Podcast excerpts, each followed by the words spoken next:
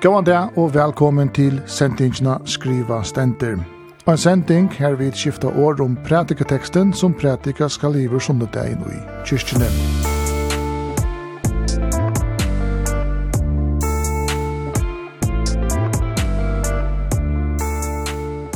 Verster er i Vibbeien, Kari Selstein og Arnkar Arke Godfrøynker. Og saman vi okkon hava vi boi tveimon gestun som hava finnje til oppgave at akvørsen hatt at lesa pratikoteksten, skifta orumteksten, tolkan og røyna setan inn i en utrymans høpe.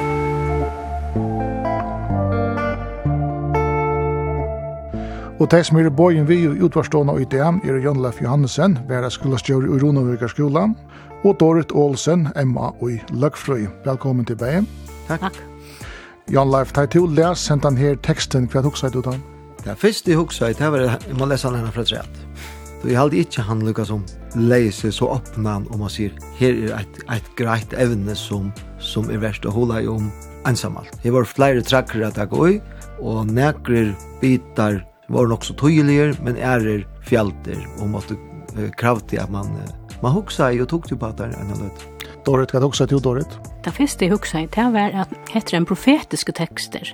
Heter en tekster i flere løvum, og, og han krever at man grever til gypse, enn til dømes hvis det finnes ikke til oppgave å lese om et under, et, et luknelse til dømes. Så den teksten krever sinde meir. Og i dag er vi så vi 25. sunnet etter Trinitatis, tru og der det. Vi er i fyrre tekster rød, og teksterne er ur Matteus evangelinon, kapittel 24, ørendene 15 til 28.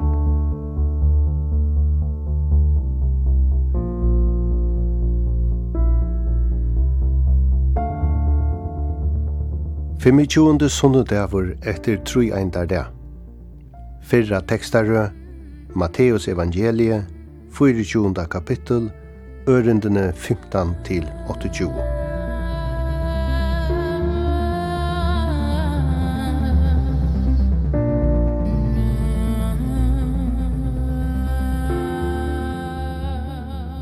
Ta i tid til suttja anstikt øyngarinnar som tala er om av Daniel profete, standa av heila og stegi, tannu i hetta leser han djevet i gator, ta røyma teg som er i judeo til fjalls.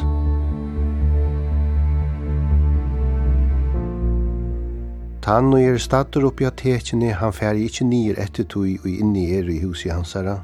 Og tann og er statur uti av marskjene, han vendi ikkje heima atur etter klævunsunnum. Men tærne er konur som i taimund øvun heva baten under belte og av brøstet. men bi om at flutjantikkara ikkje skal vera om vetrartui ikkje heldur enn kvilude.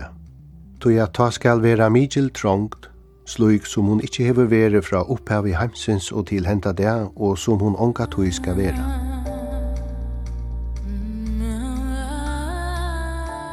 Og om heser dear ikkje våre stitter, ta vær ikkje med vår frelster, men vekna tarra utvald og skulle heser dear vera stitter.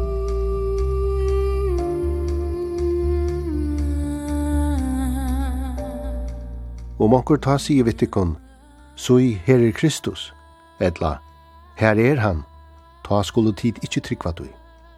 Tui at svika Kristusar og svika profetar skulle komme opp og tar skulle gjera stor tekin og underverk fyrir at eisne tei utvald og skulle vera villait om ta var gjørlet.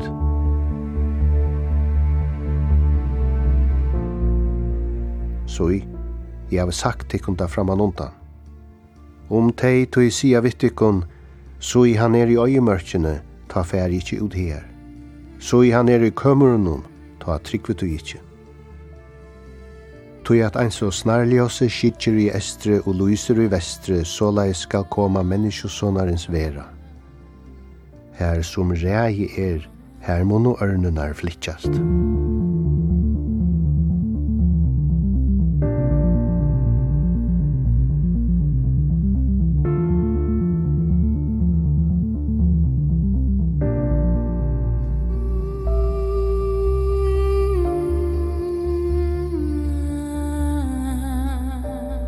Vi tar då Paul Danielsen läsa pratikoteksten till sunnudegin Han ständer i Matteus evangelium kapitel 4 och 20.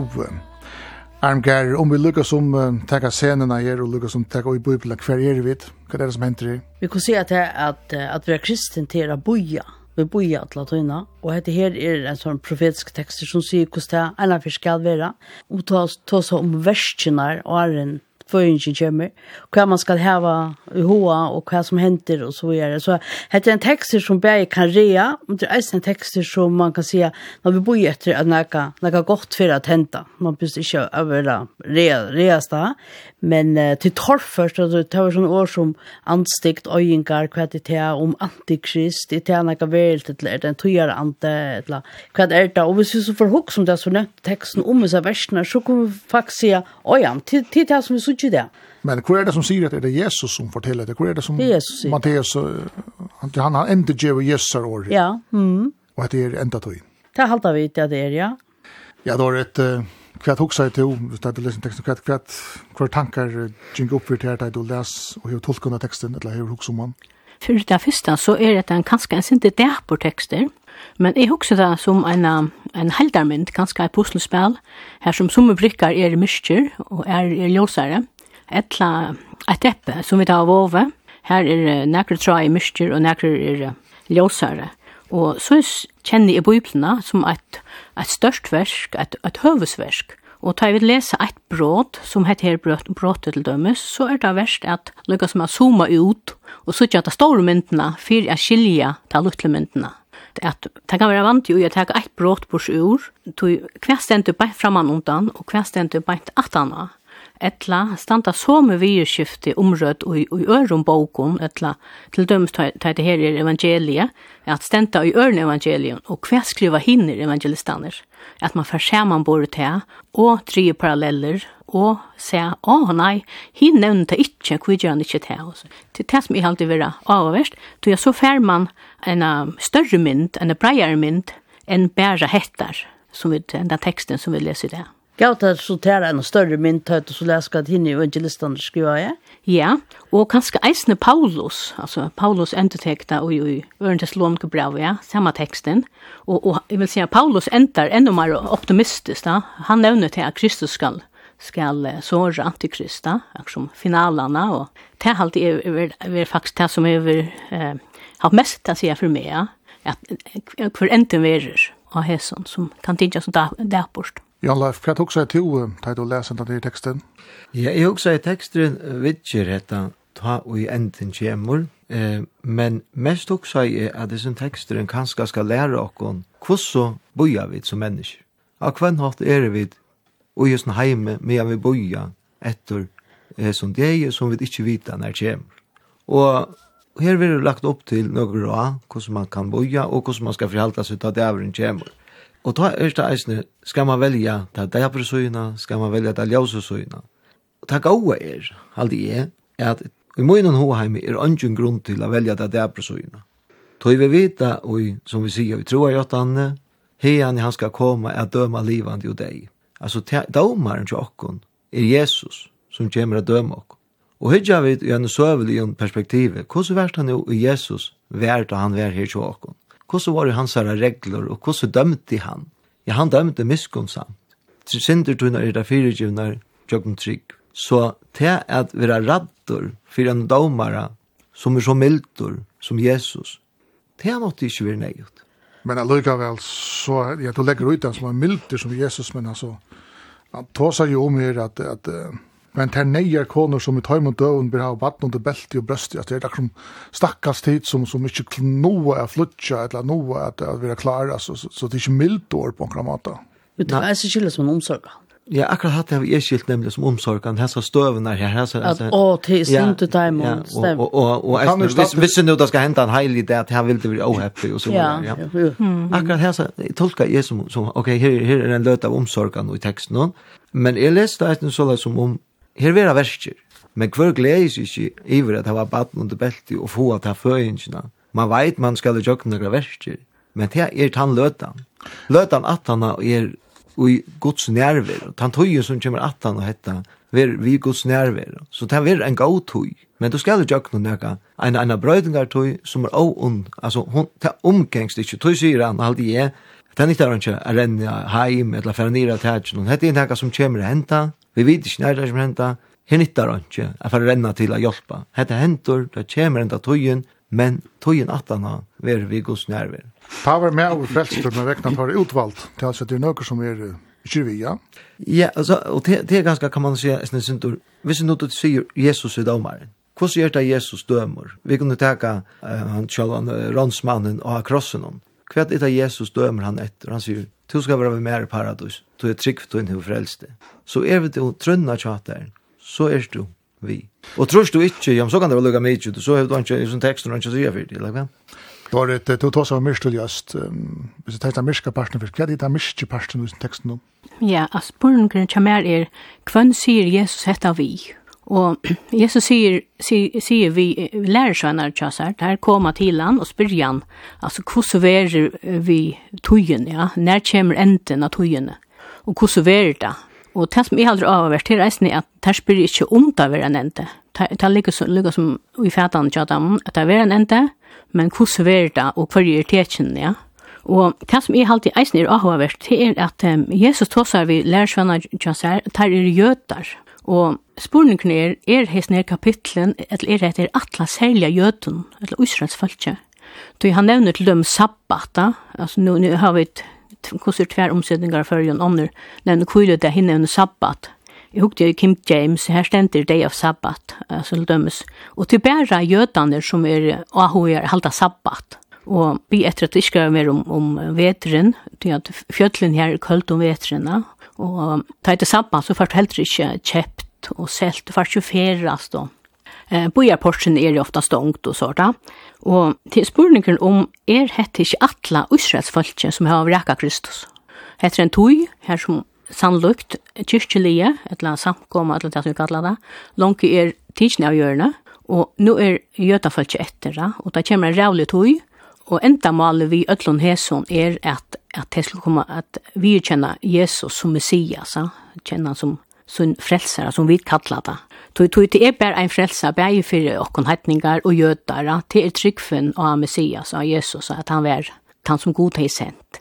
Og hette er, hette er en rævlig tøy, ja, det er tavert da, og, men Jesus sier eisen vi lærer at um, jeg sier det framan undana, til vita da, til vita undana att det är så läsa. Mm. Så det till den ta myska sujan ut då ja. Mm. Men samtidigt så är ju boan Jesus som blir ju universell ta han i där. Då han fer ut i Atlantheimen så så må det är och kallt och nöt. Det är kallt det är kallt för och knött och på det touchpunkt är Jesus ju inte där ja. Och alla ännu minne är kvitt såna komna och och kyrkliga stona. Men heter heter Arjen Og vi vet heller ikke hva de lærer seg han om Jesus. Men det er at han har sikkert helt at han får være en leier eller konger, eller at han har gjøres rydtja. Altså, han kjente ikke til at Jesus sier, ja, men rydtja mot er ikke høsten heime, til et annet rydtja, til et, et antall rydja. Men som, det, som skal vara. Ja, men man talar att det som teksten sier i botten grund det att Heimeren fer en gunter alltså inte det eller margin där vet vi inte men man alltså om så är så i visste så så sier vi det at om de millioner miljoner så för för att Hamsens høver var til solen for å kunna bättre och om 5 miljarder så slaknar de så i livet. Alltså Hamsens undergång är alltså i ju og och ikke la omgånga. Han är faktuell Einar for gonger alt under. Alltså ja. det är tver tøya linjer som man faktiskt opererar vi och i sån texten gör man det? Akkurat tøya linjer som människor här och så tanko de tre linjer så ser allt för en enda en affär. Du att vad du takk at tror jag att evner nämner hon hur han prata vi gör det när och och det det tog sig isen är ta han väl åren det er vi anstigt øyengarinnar, när det alltså som är skiljer så viser man att det till ta støvene som var 160-180 år fyrir Krist, ta og i den syriske kongren slapp løyka inn og i tempel atle og av altar setur saus her, og det er han fullkomelig og lettjils, ja. Mm. Tøy han brukar hes i årene, så råkni vi at han prata bant inn ut av salena tja jötun, og han så uttrykker vel som du sier, at, at, mm. at er, han er vent til sin handa trandavinn, men uttrykker vi eisne vidt jeg at du rett ut etter en profetiske tekster som vent seg fram med tøy, og tøy prata vi okkur nødl. Eh, og, og jeg halte at, at høvesbåskapen og Jesus. Altså, det er at heimen gong rundt. Ja, det vet jeg vidt. Men høvesbåskapen er alltid en. Hvordan er vi som mennesker med vi bor? Det er alltid i tjattnen og hos mal. Og hvordan skulle vi mennesker være med vi bor? Ja, hvis vi vet så sier han her med til annan, fær ikke ut i øyemørsene, og fær heller ikke inn i kamer. Og hatt alltid er nok så nok så ahoavert løsning, eisen jeg dreier inn i dagen i det. Hver er det og i to skal leita etter at hvordan skal jeg navigere som menneske? Er det ute i allnåten, det her jeg skal finne meninger, ute i øyemørsen her som alt er åpig og frukt og som han er det her jeg skal finne mot vire som menneske, ute middelen alla røtter, røtter, hamsens røtter som kommer og avvarskar med jøkken internet og sosiale miler. Nei, sier Jesus, det er ikke her. Er det inne i kameran, her tog jeg ensam sitter vi til en egne tanken. Nei, det er ikke her. Han sier det for en kamer ut og, og, og, be, ta i tannstøvan her, men det er ikke det her, vi her, og sier det, hvordan skal du være? kvart ut i det fruja her, du teker alla meiningar til du, du skal rådas rundt og i, og i det avtrykka, men heller ikkje inn i einsemnen, men mitt i middelen. Ver nærverande vi heima som du hever rundan om det. Ver verdjur ui tui omkvarvenon, og så kan man sija, hvordan er man så til verdjur, eller hva man skal sija. Jo, vi hava søvn og madjanar, som høtto fem var fyrregar, fem var ikk. Så du kjenner ikke dagen, du kjenner ikke tøyman. Ja, men liv og i tunne nærver vi tunne nærmaste, såleis er to i fyrirreikaver til henda deg. Hva sier du, Dorit? Ja, jeg tror at, um, altså, her, som Johannes sier, synes den første kapitlet, at, at han kom til sitt egna, men så egna tok ikke modron. Men så mange som tok i modron, gav han mått til å være bøttengods. Altså, at Jesus kom til sitt egna folk, men de tok ikke modron, eller at det var egna fa som tok i modron, men så mange som tok i modron, gav han mått til å være bøtnegods. Og hatt av fevner om åknødl. Altså, så mange som har tidsi måter Jesus, eller vi kan kalla tidsi vid trygg, eller frelst, eller hva for år vi bruka, vi får mått til å være bøttengods. Og til åttan mån hva for opprona vi tava, så om vi er født jøtar, eller heitningar, eller kvarren opprona, eller følge vi er eva, til det som lukka som er likelina, og så er vi bøttengods, vi trunne. Tals öll hava Nålaga att att möter en annan att ja, att fyra kanske till ända. Ja, just. ja. Så är det inte öttast, John Ökron. Nej, och tog Jesus centrum resten lärsvannar ut att prætka evangelia för öllum folkaslövana, för att de skulle komma till sig av Jesus, att han är gott svära. Och Esten i oppenberingen, her så kjenner vi at de lykkes med Sintja Låsonga, takka gode for at han er ødelen folkansløven og 18 og tungkomalene, har vunnet mennesker til god, i kjøkken Jesus.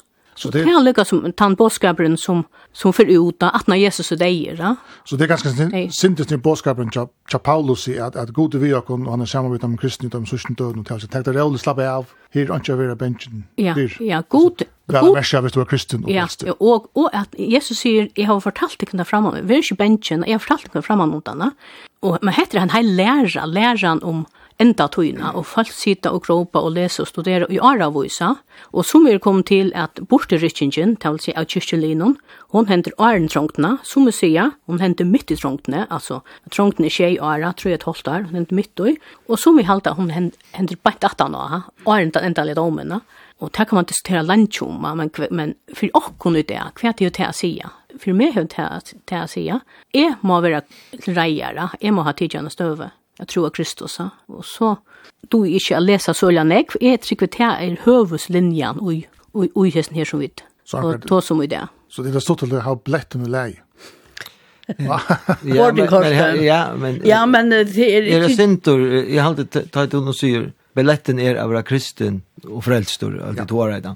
Men hvis det også om Jesus, så har han eisne rom for hinnom som inte var frelst. Altså han, Han gav vogn til det aller sørste til de som kunne frelsast. Altså, ødel høtt og han som har vognene, hos jeg, hever en chans. Eh, det sørste som vi har sagt her, her som rei er, her må nå ørnene fylltjast. Rei til dett, til hver onga vogn. Jeg halte man skal tåre at tåtja det synte meira. Eisnet han som, som hever vognene til å kunne komme og lei. I romast eisnet och och vi billetten alltså tog tog så länge som vånen är så är billetten innan för Lucas väl som som att för en mamma inte förstår så på att hon säger men Ja, jag husar då alltså när kus Jesus kus han var emot det där kom ju romvärster här och var står till han och, han hjälpte sin och chatta men så vidare. Han han hejar brejer perspektiv än bara att han kristna frälsa ska här. Han ja, att du uppfyller att att här är hur du vånarna och hur du derve till att söka med så er du Ja, men jag är inte väck. Ja, men jag också bara point point efter efter texten så så ständer ju till att Jesus ska komma åt ur och ta det utvalda vissa. Tals att det är några som Ja, men kvann valde han ut. Ja, det där det var inte det var Men vi vi vet när vi vet att jag sa Loi Louis Vera Fold kvann han valde till och han valde Meira till än han smällaska. Du tror ju jag har blivit. Men det är ju alltså individualiserat, skjønner Altså til han var hva to helter, til jeg sagt med til te og, og skaparen. Så du skal altså ikke handle svars for til andre for øre mennesker. Dårlig. Ja, jeg husker, ja, Jesus, han, han tog seg vi ødel, og han var sammen i ødelslø av menneskene. Husker jeg ikke om hver det var et eller annet hvordan det er livet. Og han tog mot en tog han elsker akkurat, og ta mån til hvordan gå eller hvordan ring vi dere. Men han yngste at gjøre dem det åt løyva, han yngste at de skulle lyde av seg, yeah. Trykk av seg. Mm. Ikke til at nøkker er bedre enn ånder, og, og for meg er det det er ikke tryggven som er avgjørende, men det er det som er trygg vi Altså, er är eller jeg att kan kan kalla det at jeg vågner av Kristus eller trick eller att og det er Kristus som som gjør månen, at det er ikke mun trick jeg kan godt ha en øyla sterska trygg, eller jeg kan ha en øyla veika trygg, eller jeg kan ha en stora, eller en luttla trygg, men oansett, hvis bryggfinn som jeg gentja i råden, så kan det gjøre det samme hvordan sterska trygg vi har, eller hvordan veika trygg vi har. Ja? Det er det som er trygg vi har som helder, og ikke mun trygg. Det er ikke styrkjen. Det er ikke styrkjen i tryggve. Og som mennesker er bensje, en tryggve er noe nok, trygg vi er noe rett. Men det er ikke avgjørende hvordan jeg kan Han strenga meg til å rikva, men jeg lytter av Jesus, jeg lytter av det som Jesus gjør det, til nok. Og jeg halte at, at det er den store mynden i skriftene, at det som frelseren kom, som var lov over, og ja, men han gjør det, han er egentlig god for åkken, og vi avlid av han, kunne vi være pura trygg, eisen i, i fremtiden, og i enda tøyen. Men vevnen krever oss ikke nek av der, jo som er til at uh alltså hvis vi tar som det utvalda skärran alltså det känner hon lite tanke alltså hur är du i skärran och, och kan du känna det sickan oj du får stönt ju underordna är det det? För det ja. Ja alltså jag alltid jag det personligt då alltså alltså och jag inte äger av det tv så helt jag tror ska vara leja men men men trickfen är personliga alltså jag vill säga ja detta gör det Jesus för mig är pjust inte göra tog jag nöjer frälst vid trick inte av verskona det är för att inte ska kunna rosa så av någon som helst. Alltså heter det något som Jesus gjort for oss og, og til åtta mån til hver vi kommer fra, hver vi vet är så vi har vært, eller hver vi samlast, og hver kyrkan eller samkommer eller hver vi ikke samlast, til, til, til slash spurningen halt jeg, den grunnleggende spurningen kvart hur du tror Jesus alltså hur du ser hvor han er, altså. Men jag la det inte var en ende till kristen trunnet. Hvis man inte har det här perspektivet og den avläkan för hej så akkurat løs, og spärrar vi där data det och lipas dig og man är som er så til arbete så så dør man som tar organisk eh, evne och och ta vet til. Jo och hata kan man snära handa vin och lycka vel kan man snära det hinvid. Kvärt om vid nu kände Hvordan Hur ser vi så agerer? Mm. Kvärt om nu vi visste när hemmen jag kunde när mer mun tur ända så blev väl sagt han slöva vi tar väl kosa helt arvese arvese lov tog tar vi inte vita tog man och dagen så är det på ankra matet här jag kabrediem alltså är är man man får att ha på orden det att jag vet inte vad det framtiden bjöa mer då känner det deadline. Nej känner det deadline. Lämna nu så få som mest på sig och vi vet alltså att att tog till kommer jag att till att här hur det vi boja ta ger nega vi okkon, at vi tar med båskap, her vi ikke kjenna deadline. Jeg tykker det er mest tricky vid det hele, jo, genialt. Og, og, og det er faktisk også genialt, jo. Så det gjør noe vi okkon til, at jeg okkon til at, at ja, men, la meg nå få sin borsjord. Og, og hva er det jeg vil få borsjord? Ja, men her forteller Jesus så okkon, men du bojar, jeg kan skal skyla godt, at agera, og en hatt, her er du fylltjør, mer som fire min kanskje. Alltså att det är en i botten grund en fortelling om at Hamsens endi inte han er ganska sent att göra läs just på Hamsen att tälja at det är något stan i ui oj hem någon er nei är nej ju lent jag att hemmen är skräpelig och tälja att det ganska en tog en användning om att Louis ösn är skräpligt alltså fatta bästa bors gjort under Louis här og nu och inte boja som är mentor minst til du skal toucha Ja, til han kommer så brottelig at det er så snarlig oss fra øster til vester, og at det sen rest til at sån var ikke en gang når det var nere. Og, og, og, og det var nok så välgrett fra östen her, Jeg bruker ikke orske på å fortelle etla, etla vindan der rassle vi sier, nå er krutsk Ukraina, nå man ender vi kjøtt, nå er krutsk her, nå er ender kjøtt, nå kom korona, hette man vil at jeg. Til ånden kjenner det, ånden kjenner tog man. Bruker ikke orske på å fortelle at nå er det, nå er det. Han kommer, han kommer som snarlig av himmelen ta han kommer. Liv to, bare vi tøy trunn. Til seg til som du har vært inne i byrjan til at her njaut livet, seg, i stedet for at, at lese det som en reende tekst, så er det en bådskap fra Jesus om helt anfallt at liva livet, njóta Følt så godt på sjurde som du enda kangst. Ja, og liv da så eisen såleis at du er vi, ta og jeg kom i attur a døma med livande og deg, at du kjenner meg som dømare, og veit hvordan jeg kommer å døma, og vær to ut i skærene som er dømme til. Det er alltid godt man kan lette jo. Man sier eisen at Jesus er han som hever vært en verje advokater. Du vet en dommer har først en sak, og fra seg selv den vunnet. Så du vil, dommeren er samstånds han som verje det. Han sier at det er at to opphevar alla eh, ter juridisk lånar som vi talde i rattvisar i det. Men allukka vel, så kan det slett være, så er det ikke en hål text att å lese, tog at det er noe som ikke er vi. Det sier du, Jan Leif, du sier det er det ja, men, men, men paradoxal er at det som ikke er vi, til det som ikke leser den teksten. Nästan så leis. men det var, altså, altså, det som er vi er det som som sättas ut allt och av Jesus og som du er, det er ikke talan om en mångt, mm. det er om at lyta. Mm. Og, og det er jo helt ikke krav på, det er jo helt ikke krav på om at du skal, det er ikke en diktator, så gjør det en ordre, det er appellera til tunna vågen, mm. tunn fria vilja, ikke nei? Mm. Det er Alltså vågen ligger ute i er. Ja. Då är det att det är en njöda liv med en hevda, alltså, är det en bådskap i texten om? Det är kusur en bådskap att, att liva liv, ja, alltså, men jag tycker vi eisen att, att Bibeln lärer oss att vi tar eisen att fortälla öronen om att det är, Alltså han som han som läser han han skiljer det. Alltså att att att det är nej och chock och nästan fortälja för öron att se het är det Jesus kom i hemmen, god själv blev människa och och gav sig för jocken. Tog vi ett synd mot honom och tre fantastiska budskap att det är ett evangelie och och jag vet ej att att preja han budskapen ut till andra människor så är så att hej eisne kunde ta emot och lyda han och tryck för han och och vara vi vi honom till han kommer attra. Och det är kanske är hooks i är kanske det mest stravna vi tog stöve som som vi ju som människor det är Jesus kommer kort. Men vi vet att höjer perspektivet det himmelska och det järiska är helt för sjukt kvätt i kort. Och tar eld av evangelistan som är ute och säger vänt nu om Jesus kommer kort. Det är ju hoaliga i la latt lätta i hoa lärare det inte men det är väl lättare att han har sagt. Och han kommer 25 januari alltså. alltså så hade det haft alltså det är inte sträv jag snackar upp mot en års med skott och en tojars perspektiv som är hemmas och järs det det det som kvärt kvärt är det en tusen tusen ja det är det som är och och här halt jag det är ganska det är sträv att vara ute i arbetet här vi skolan viska här och och det det det det läser jag sen på sjukhuset nu också Dette gjør det ikke lagt.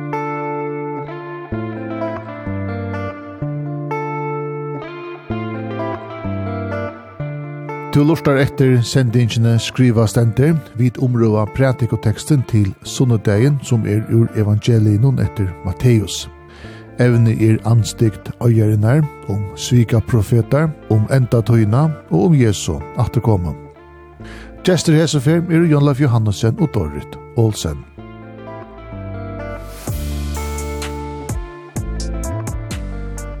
Men uh, då är det också som att jag läst texten nästan att uh, men detta sätter sin spår nästan om, om allt ändar lukar väl hemmen gånger om till. Kvärt är så mening vid det hela.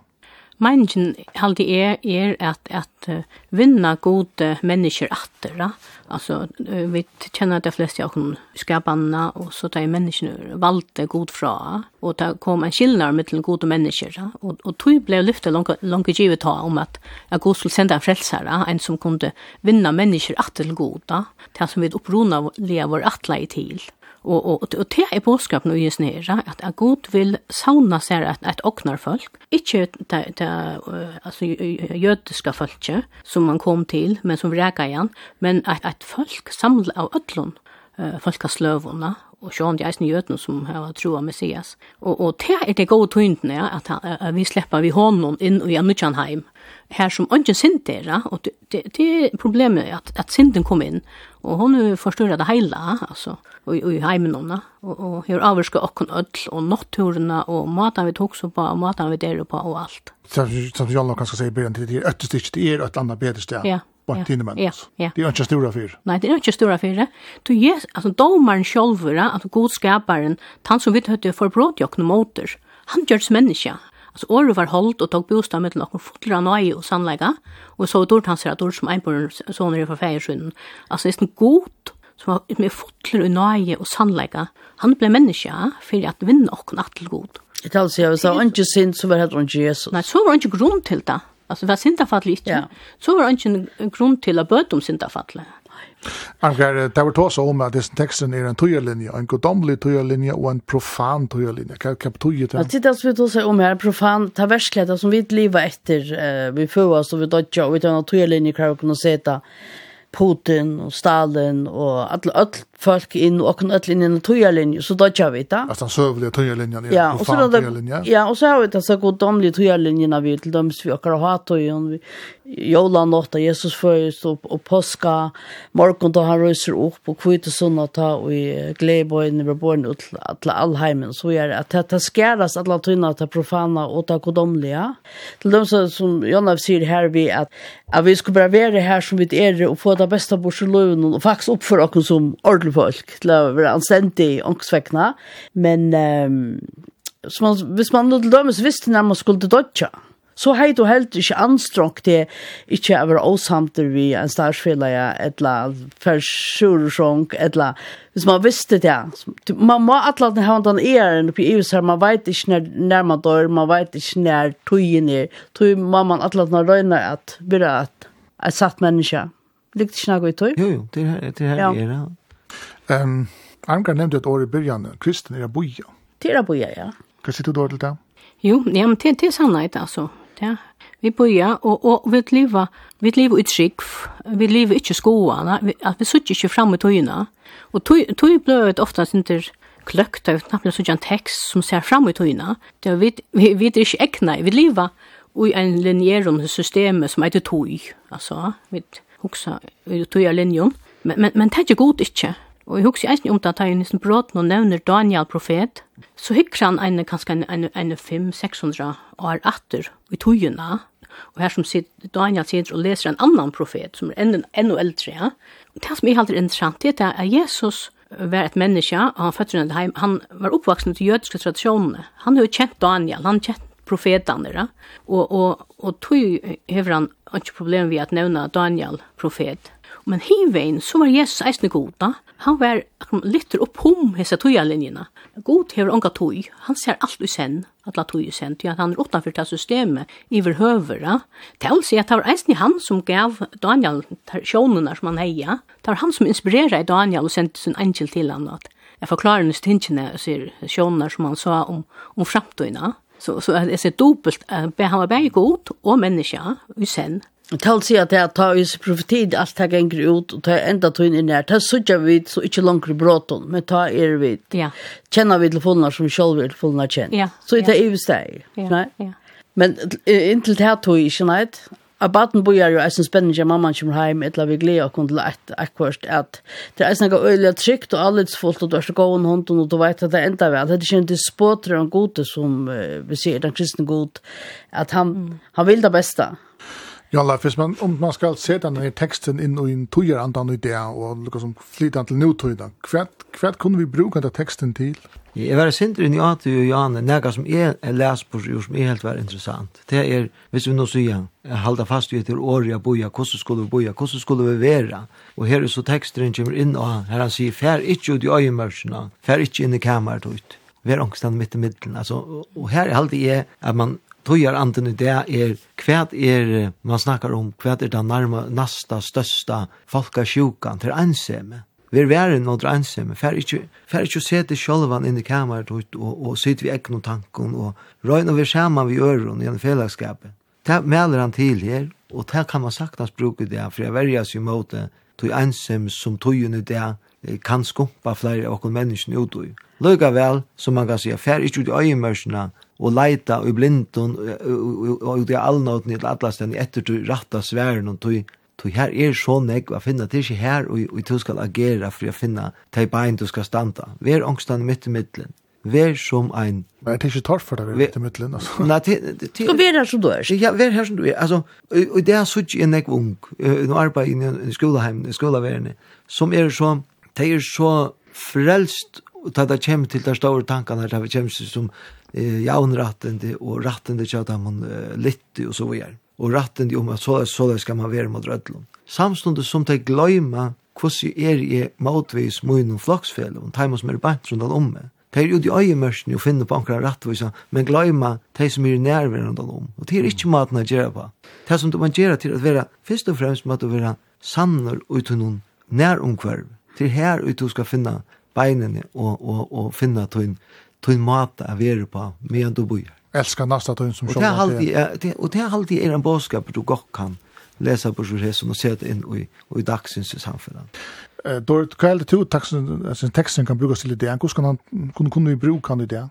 Ja, alltså i halte han sier näka om kvart för att henta i framtiden. Inte så öliga utöjligt, men näkra, näkra ja. Og jeg husker at hvis vi teker enda teksten bare helt bøkstavlig, hvis vi sier nå at han er til atla Israelsfølge, så kommer en, en tog her som te fra suttja nekka øyligt sitt i templona, altså kan antikrist, det som vi kallar anstikt øyengarena, og et tekst nå, så ver ønsken ivek hva det er for deg, altså, te suttja da, og te flutja, altså, og te fra et nivå om a flutja, altså, te hette henter, så må du renne. Og vei teimen som er i vaten, det er for ikke runde, det er som bøtna brøstet, det er for ikke runde. Det er så knapplige hvis du er ute, så skal du ikke reime et nøkron. Er det tæt noen skal ikke en gang for nere et nøkron. Flutja, renn for løyvnån, og by etter at det ikke er om vetren, ta et kaldt i fjøtlån, etla sabbat, ta gjøtar faktisk kunne renna eller flyta sig ja, og bojar porsen ner stångt då. Alltså så tänka att han bokstavliga att han situationerna så, så er hon øyla, øyla rævlig.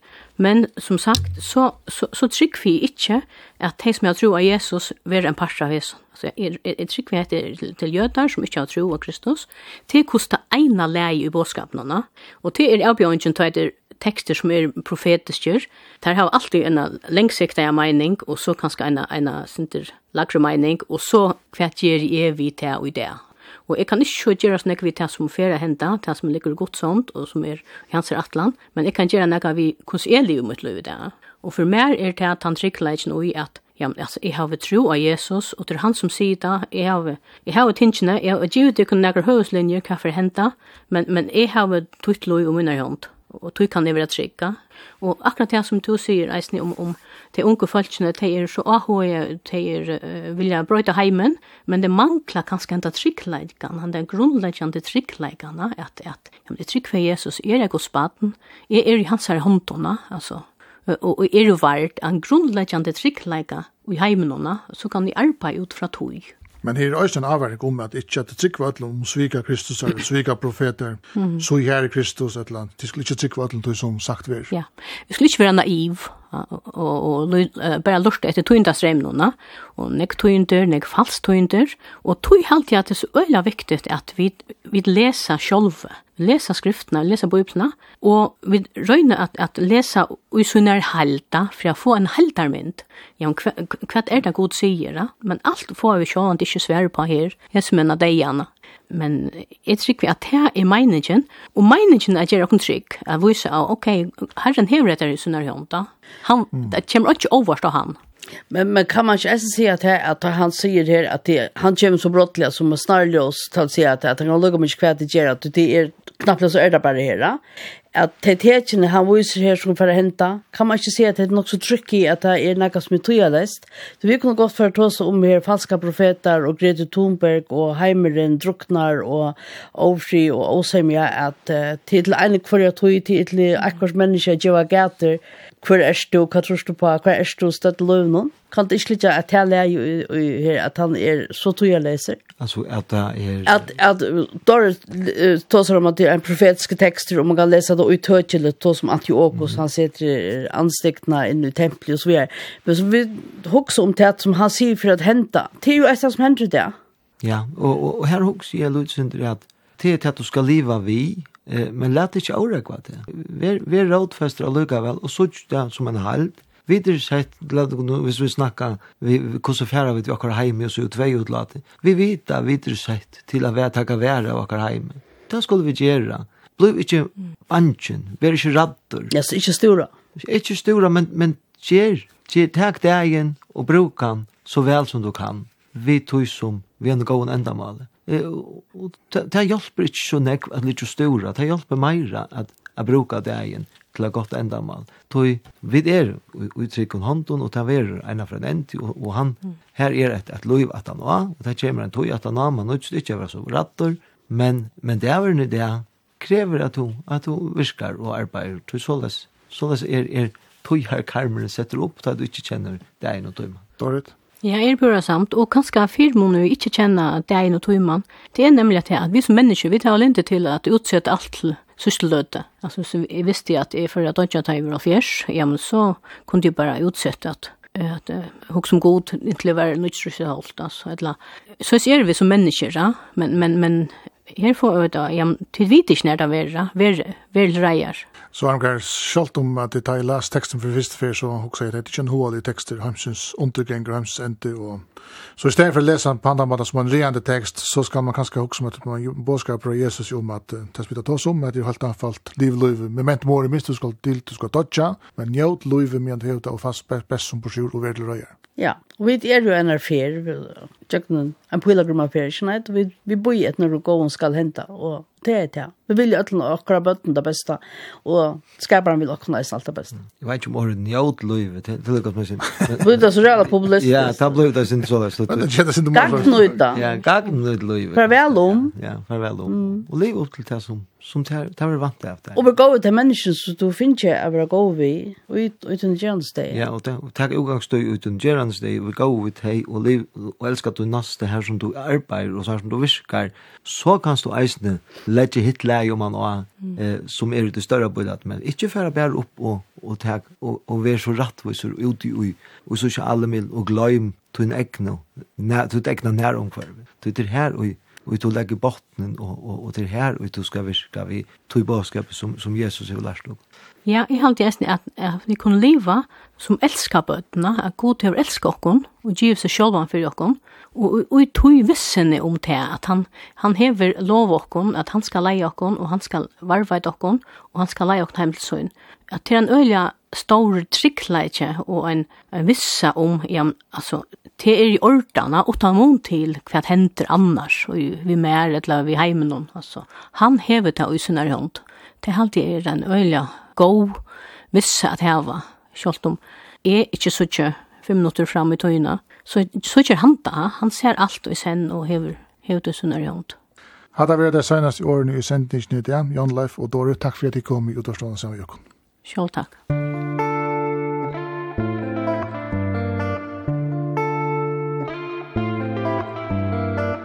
Hetta var sendingen Skriva Stenter. Vi tava omrøtt pratikoteksten til sundedagen som stender i evangelien etter Matteus, kapittel 24, ørne 15 til 28.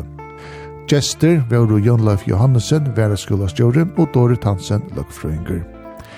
Værste var Karl Sjolstein og Armkar Arken. Hev du en av vimersking, skriva så til skriva skriva skrva kurlakvf.fo. Sendingen vil atter om en av. Farvel.